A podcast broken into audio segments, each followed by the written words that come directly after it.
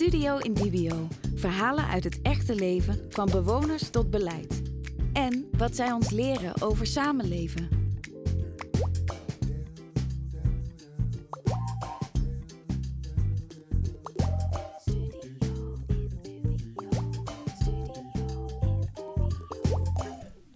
Nou, welkom bij weer een nieuwe aflevering van Studio in Dubio.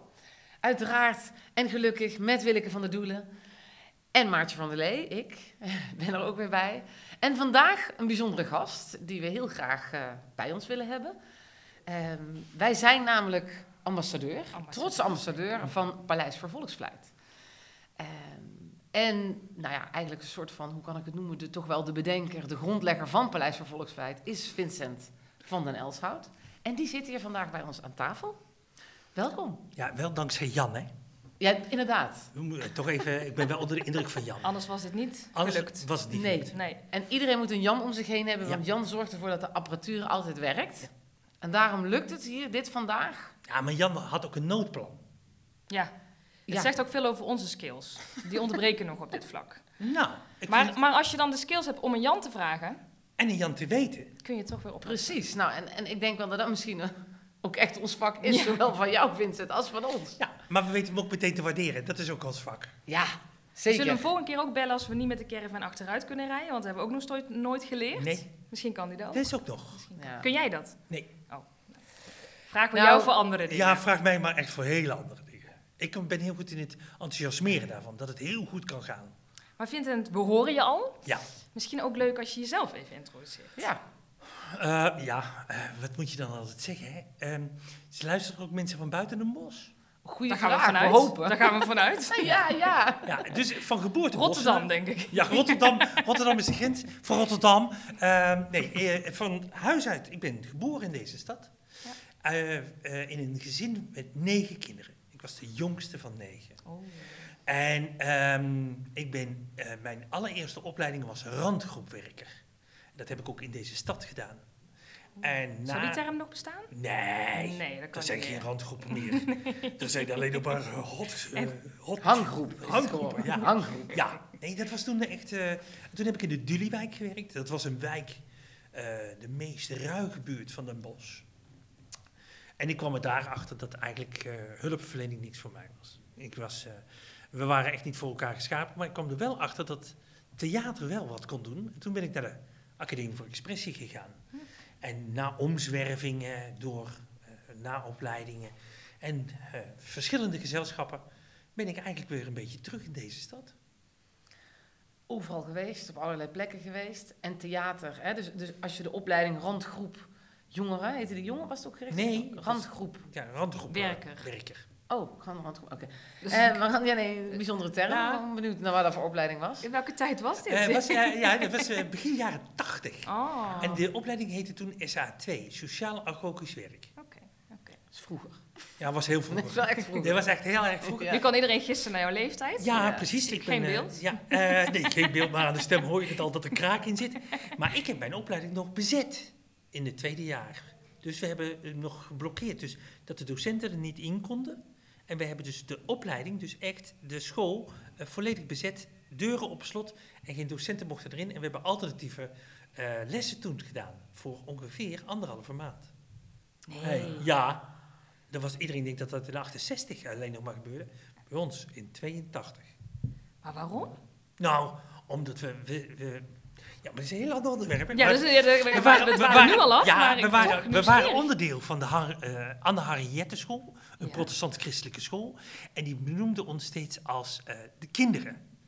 Nou, als je 17 bent, ben je geen kind meer. Nee. En het- wij kwamen dus in opstand tegen het les, eh, de lesmethode. En toen hebben wij dus eh, de Dus school jullie bezet. werden eigenlijk de doelgroep van de opleiding, de randgroepers zelf. Wij wisten precies wat we moesten gaan doen. Ik Practice snap what you preach. En toen kwam het op aan bij die docenten. Ja, en Zijn het goede dus- werkers? Ja, en ik heb dus echt wekenlang op een matras eh, in, de, in, de, eh, in het, eh, ehm, eh, hoe noem je dat? De repro-hok gelegen. Hoe noem je dat? Ja, Op welk matras gelukkig. Ja. nou nee, lucht. Ja, prachtig. Ja. Ja, dus die is een ruige tijd. Ja.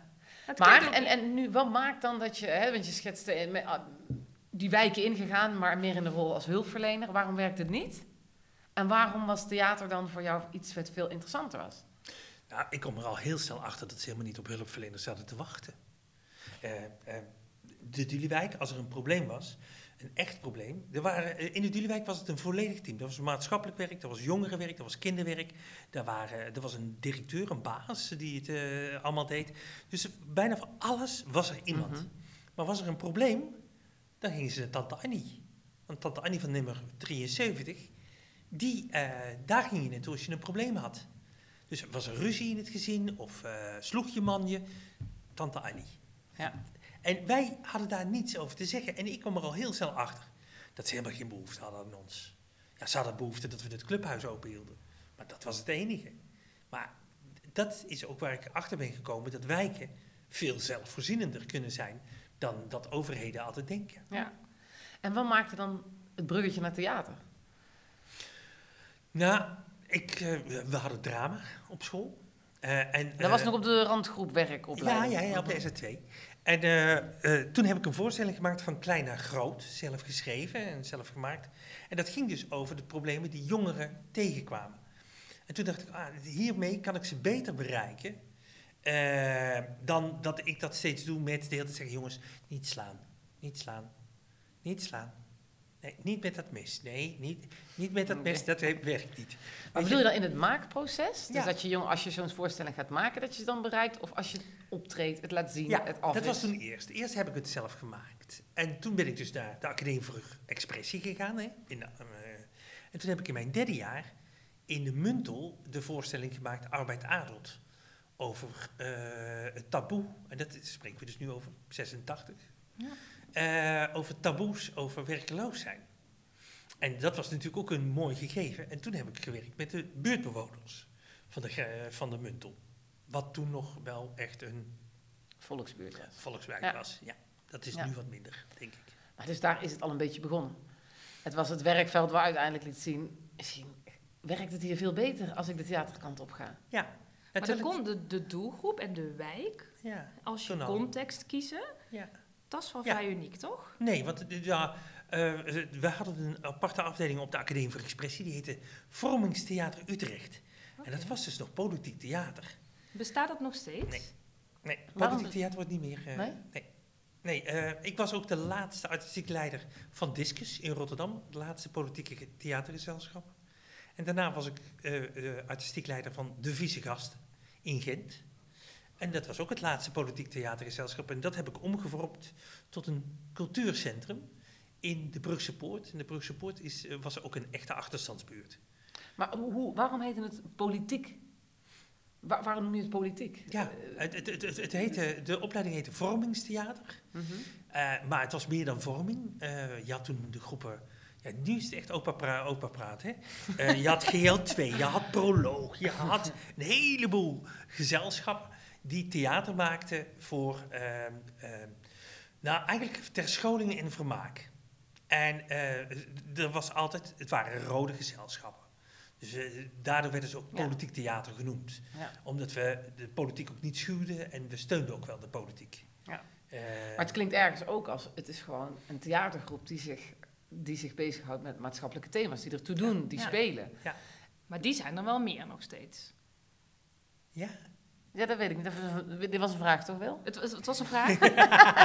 het was een vraag, Ja. maar ik bedoel, ik ga graag naar eh Oerol eigenlijk, hè? Ja. De, eh, op de uh, Terschelling is het toch? Elke, ja, ja, daar heb ik zeker wel vaker, ook van Oostpol en dat Ja. soort eh, groepen, eh, hele mooie voorstellingen die raken aan, eh, aan maatschappelijke vraagstukken. Ja. Maar wat is daar dan anders aan dan, dat, dat, dan is het wel een maatschappelijk vraagstuk, maar de spelers komen niet uit de wijk. bijvoorbeeld. Nou, bij ons ook niet altijd. Eh, we hebben beroepsspelers en vrije tijdspelers. Ja. Ehm, maar eh, bijvoorbeeld het verschil is, eh, we hebben ook Matser in de stad. Ja, en die ja. maakt ook maatschappelijke voorstellingen. Nu weer- een prachtige voorstelling over een man die heeft zitten appen... terwijl hij aan het autorijden was en een dodelijk ongeluk heeft voor, veroorzaakt. Dus die discussies op gang brengen. Het dilemma waar ik tegenaan loop is ehm, het publiek. Voor wie maak je theater? ja, ja. En ehm, als je naar Oerol gaat, dan is dat toch een specifiek publiek wat daar naartoe gaat. Eh, wat naar Oostpool gaat, nou, wat naar de verkadefabriek Ja, gaat, ja. is eigenlijk, ja, ik noem dat dan links-intellectueel publiek, Mhm. wat, wat al wil nadenken. Wat al maatschappelijk geëngageerd is. Ja, wat het al is. En ik wil heel graag theater Ja. maken. Zo ben ik ook opgeleid en opgevoed voor iedereen. Dus ik wil maken wat eh, ook iedereen bezighoudt. Maar wat maakt nog even, want dat snap ik. En ik denk dat heel veel makers dit zullen zeggen.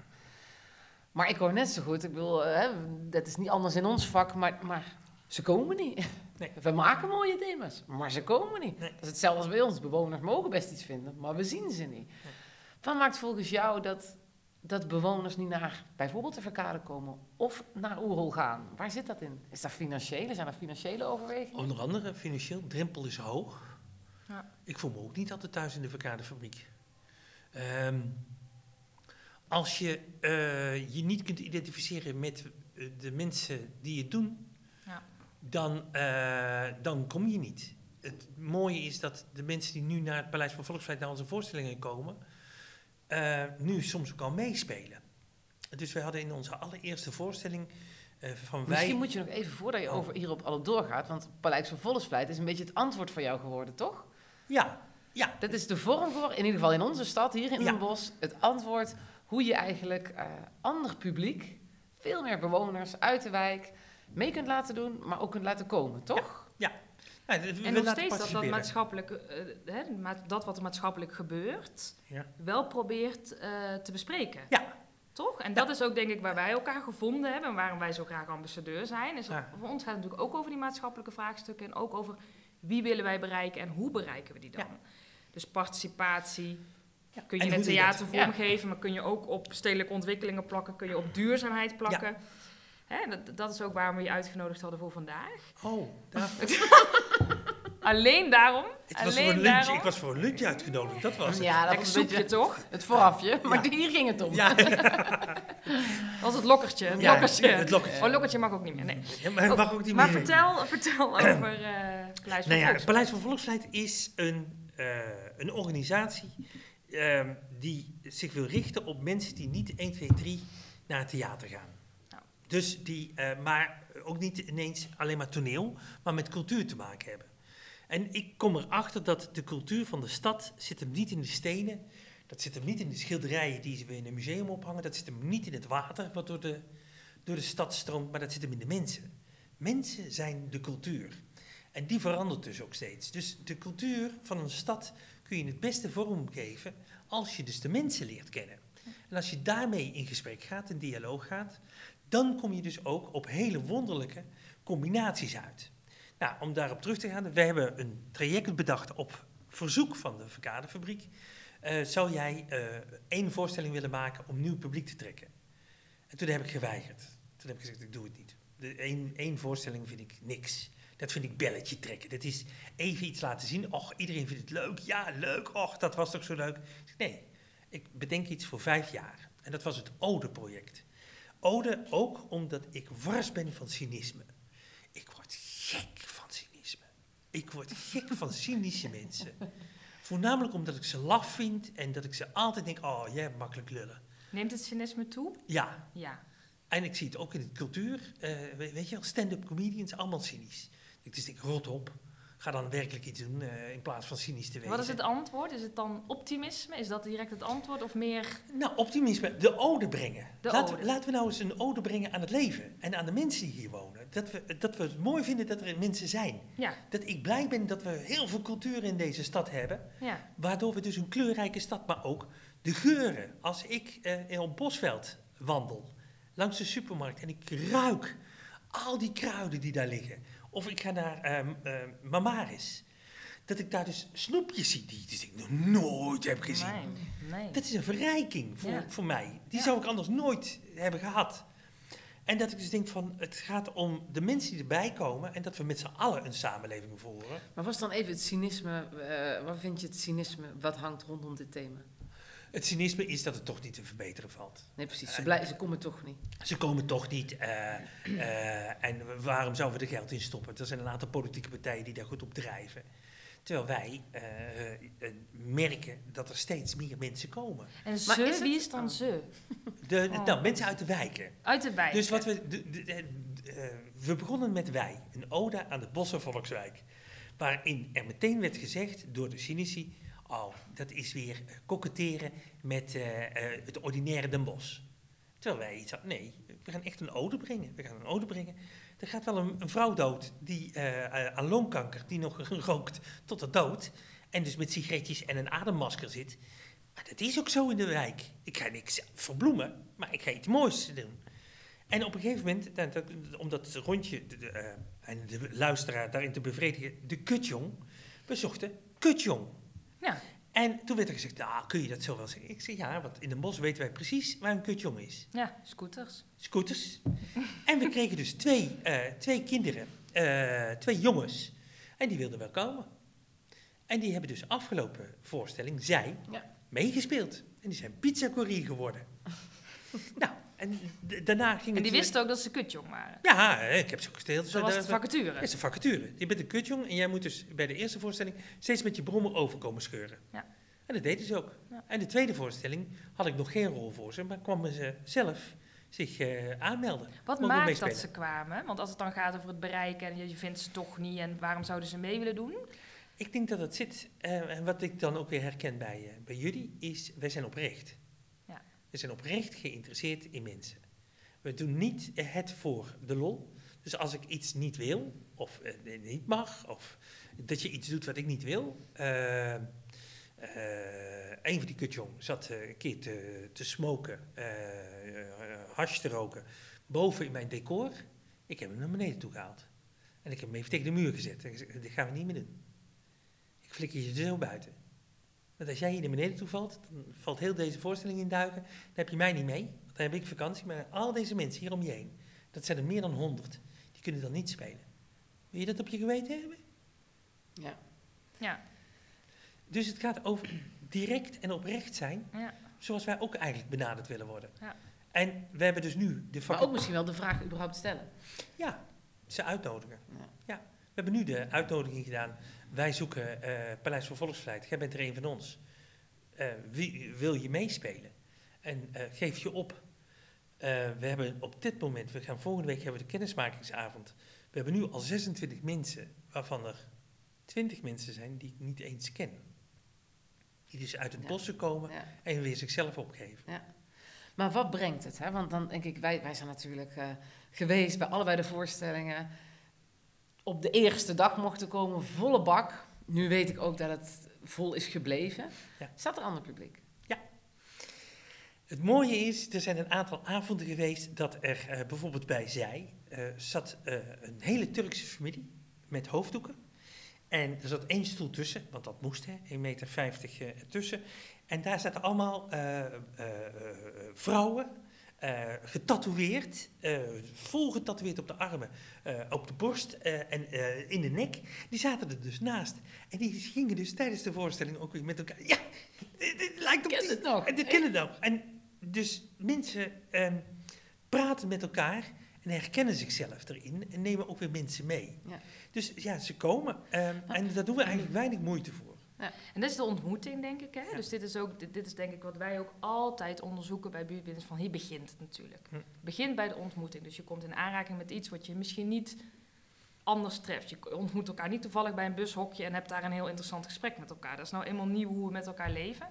En, het, en de interesse in de ander is soms gewoon, die is er niet. En die ontmoeting moet je soms faciliteren om verrast te raken en, en nieuwsgierig weer te worden naar de ander. Ja. En, en ik geloof dat dat lukt. En ik geloof ook dat dat een hele mooie vorm is. Waar wij ook mee worstelen, misschien voor jullie ook. En dan? Is Ja. iemands wereldbeeld veranderd? Gaan zij elkaar nog een keer ontmoeten? Is dat nodig? Ehm, afgelopen eh, voorstelling maakten wij dus een voorstelling over de Bossenburen. Ode aan de Bossenburen. En dat ging over Turkse gemeenschap. En wat gebeurde er daar is dat de eh, eh, Osman, eh, een van de acteurs, vrije Ja. tijdspelers, schreef eh, daarna een brief aan ons en die zei... Wat het nu voor de eerste keer was, is dat ik niet als een Turk ben benaderd. Ja. Ik ben benaderd als Osman met mijn, wat er met mij is gebeurd. Ja. En dat was voor mij eigenlijk al het grootste compliment. Ja. Ja. En dat hij dus nu weer terugkomt om een voorstelling over de regenbooggemeenschap mee te willen maken. Dat is helemaal een compliment, want dan is dat nog meer. Dus mensen groeien mee. Ja. Mensen vallen ook soms af. Dat is mooi aan het vijfjarenplan. Dus Hè? iedereen gaat steeds mee. En nu gaan we ook voor de eerste keer naar binnen toe, hè, naar ons moeder. Waar we eh, een Turkse en een Brabantse vrouw samen eh, twee zussen laten spelen. Eh, en dat gaat over het moederschap. Ja. Als je ziet, wij hebben steeds inspiratietafels van tevoren. Ja. Dan merk je, dus jullie hebben dat ook georganiseerd. Wat daar zo mooi aan is, is dat er verhalen boven komen. Die, eh, Och ja, we krijgen een seintje. 20 minuten, we kunnen nog even door. Zoals een Leontien, die laat zien Ja, hoeveel tijd we nog Ja, hebben. we hebben Leontien hier aan de zijkant.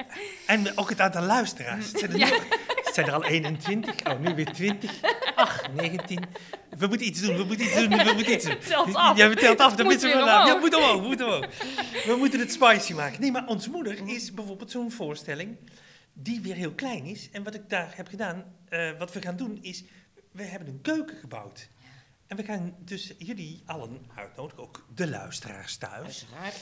om eh, tussen eh, 5 en eh 14 eh, mei, dus ook met moederdag, eh, naar de voorstelling te komen. En om in ons moeders keuken de voorstelling te gaan zien en eigenlijk mee te spelen. Ja, Ja, mooi. ja prachtig. Ja. Maar is het dat dan? Want je zei aan het begin van het gesprek van, het is, hè, je werd eigenlijk gevraagd één keer een voorstelling spelen. Ja. Eh, hè, ik, dat ga ik niet doen, daar weiger ik. Ik wil iets vijf jaar doen. En misschien is dat wel een beetje wat we, ik denk wel herkennen ook uit onze praktijk. Hè. Dus vaak word je gevraagd vanuit buurtbewoners, oh, kunnen jullie iets moois komen doen in de wijk, in de buurt met een caravannetje. Eh, hè. Altijd op zijn Brabants, en waar we ook zijn. Ja. Nee, maar even in Kunnen het bos jullie- blijven, in het, in het bos Ja. blijven, dan, dan zou dat een vraag kunnen zijn, hè, die dan Ja. bij ons terechtkomt. Ehm, en tegelijkertijd, inderdaad, het is dan niks. De kracht zit er heel erg in, in hoe kom je terug, wanneer ga je terug, met wie ga je Juist. terug, waar ga je bouwen in de wijk, wie laat je elkaar ontmoeten en waarom. Ja. En dat is eigenlijk denk ik ook mooi aan de odes, hè, die telkens terugkomen nu aan ons moeder, maar Ja. de bossenburen, noem maar op. Ja. Ik denk dat daar ook de kracht zit. Nou ja, je moet terugkomen en je moet dus laten zien dat je niet een eendagsvlieg bent. En dat je dus niet een profiteur bent die weer subsidiegelden komt eh, eh, opmaken. Nou, een van onze laatste projecten was Radio Dichterbij. Ja. En eh, dat was een vraag vanuit Farent. Eh, dat is een hulpverleningsorganisatie, denk ik. Welzijnsorganisatie. Welzijnsorganisatie. Maar ook maatschappelijk werk. Ja. Ja. Maar die kwamen dus met de vraag: kun je iets creatiefs doen? Eh, iets met schilderen of iets. Kun je nu met iets. of een voorstelling? Hè? En dat ik dus dacht. Ik liep dus door de wijk heen, want dat doe ik dan meestal eh, bij zo'n eh, aanvraag. En ik babbel. En ik babbel met iedereen. En het zijn de meest uiteenlopende verhalen. En toen kwam ik erachter dat er heel veel illegale radiostations waren geweest in deze wijk. En toen dacht ik, dat moet je doen om elkaar weer te ontmoeten, dan kun je dus ervoor zorgen dat je, als je een radiostation opent, kunnen mensen thuis luisteren, die het eerste maar willen luisteren. Maar je kunt ook de twee wijken die eh, met elkaar eh, gescheiden zijn door een sloot, maar totaal verschillend zijn, samen in een redactie stoppen. En dat is dus gelukt. Dus we hebben eh, vier zondagen, Ja. middagen, radio gemaakt. En het, meest, het grootste compliment was, eh, ik was er steeds bij, ook bij de redactievergaderingen, is dat ze dus zeiden op een gegeven moment, nou, we hebben jou niet meer nodig. Dat, zo- dat, dat vind ik, dat vind ik goed. Ja. En ze hadden zoiets van, oh, hij zal er wel een probleem mee. Ik zeg, nee hoor. Ja. En zij gaan dus nu zelf door. Ja. En dat vind ik het leukste. Dat ik alleen maar het aanzetje hoef te geven.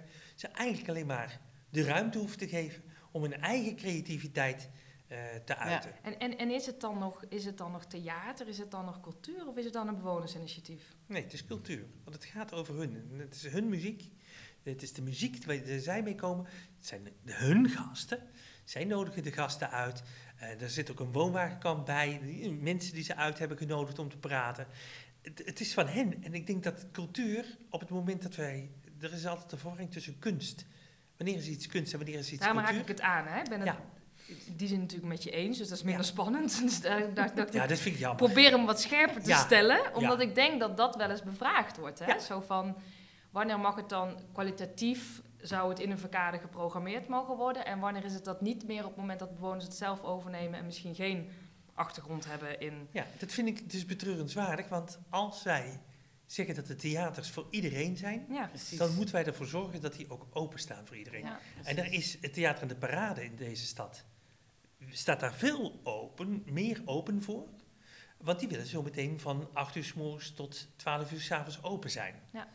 En daar iets mee doen. Ja. Nou hoop ik ook dat ze dat kunnen waarmaken. Want eh, er is altijd, eh, je moet veel meer investeren dan eh, in wijken om mensen te, uit te nodigen. Ja. En dat heeft er echt mee te maken met onze energie. Wij moeten volgens mij oprecht geïnteresseerd zijn. En dat herken Ja, ik ook en bij dat de is denk ik, het, het- ik, ik vind het mooiste dat je net schetst eh, bij eh, hoe, hoe de radio is ontstaan ook. Hè? Ja. Je loopt in die wijken rond en je praat met mensen. Ja. En dat is eigenlijk misschien wel het antwoord. Ook wat je aan je theatercollega's bijna kunt geven. Ga daar wonen, ga daar zijn, ga Ja. er leven. En luister en hoor wat er speelt of leeft. En dan komt de rest vanzelf. Ja. En daar waar jullie vak eh, heel erg vakmanschap is, hey, eh, dat in, in een bepaalde vorm kunnen gieten. Nou is dat bij ons, wij faciliteren dat op een andere manier. Maar eigenlijk doen we echt hetzelfde. Ja. Eh, Nou, En ik die anders. uitnodiging naar de wijk. Hè? Ja. Dus het is een soort van zelfsprekendheid. Maar het blijft dat wij toch vaak plannen zien bij organisaties waar wij gevraagd worden, die al gemaakt zijn zonder dat er één bewoner is gehoord. Ja. En dat is natuurlijk bij theater net zo goed, dat er aanbod gecreëerd wordt, Ja. waarvan we allemaal misschien vanuit de, ja, weet ik veel, vanuit een kwalitatief perspectief denken, dit is het, hè? Ja. dit moeten we allemaal mooi vinden en dit is mooi gemaakt. En daar ga ik dan naar heen, maar misschien tien mensen met mij en dan zit ik in een hele lege zaal. Ja. Dus, dus, dus ook, ja, wa- wanneer mag dat? Dat is, dat is een heel ander gesprek hoor. Maar ik wil zeggen, het is mooi ook om te kijken van ja, hoe kan het wel dichtbij eh, een bepaalde doelgroep zitten. En mogen ze daar ook zelf mee, eh, mee Ja, invulling aan ja. geven. Ik denk dat we moeten beginnen met mensen weer uit te nodigen. Ja, Dat we dus, dat, dat, dat de kracht is eh, van ons beiden. Dat Ja. wij uitnodigend zijn ja. eh, en dat wij onze talenten willen inzetten om eh, anderen misschien wel te laten shinen. Ja. In het kader van uitnodigen, in het kader van aan alles komt een end. Nu al. Echt even, wanneer kunnen we weer naar de voorstelling? Is de eerste ons moeder? Ja, ons moeder gaat 5 mei in première. En we hebben dan op 7 mei twee voorstellingen, een matinee. Ehm, je kunt vooraf eten, het, het menu van ons moeder. Er is eh, wat potschaft. Dus eh, wat moeder kookt, dat ga je eten dan. Maar het dessert wordt in de keuken tijdens de voorstelling klaargemaakt. Eh, en je komt dus werkelijk in ons moeders keuken te zitten eh, die we hebben gebouwd. Nou, wie wil het niet? Ja, precies. Wie Zo'n wil warm dat nou niet? Ja. En het is in de verkaderfabriek? In de verkaderfabriek. eh in Studio Tramkade, die we daarvoor eh, helemaal hebben omgebouwd. Ja, Ah. en dan de volgende voorstelling is dus, eh, Jij bent er een van ons. En die gaat 11 juli in première. En dan komt natuurlijk weer, weer een wijkwandeling. En, eh, alles erop en alles eraan. erop en eraan. Wij blijven Nou, bezig, dus wij zijn wel beste luisteraars, gehoord, gehoord, schrijven in je agenda. Ja. En het is denk ik echt, en ook als je zit te luisteren, een hele mooie manier om op een andere manier te kijken. Hoe kun je bewoners betrekken? Ook als het gaat bij cultuur. Hoe kun je gewoon mensen elkaar laten ontmoeten? Ik denk dat dit, nou vinden wij volgens mij heel erg bij buurbinders, een hele mooie vorm is om dat, eh, om dat te doen. Ja. Dus dankjewel Vincent. En wij zijn ook uitermate trots dat jullie onze ambassadeurs willen zijn. Hè? Nou, eh, daarom Betere ambassadeurs kunnen we niet wensen. Nou, dat was hij, toch? Leuk. Dankjewel. Dankjewel. Graag gedaan. Dankjewel voor de uitnodiging. Nou, Studio Indibio is een productie van Buurtbinders en de Academie voor Andere Ideeën. Wil je meer weten? Volg ons dan op de diverse kanalen.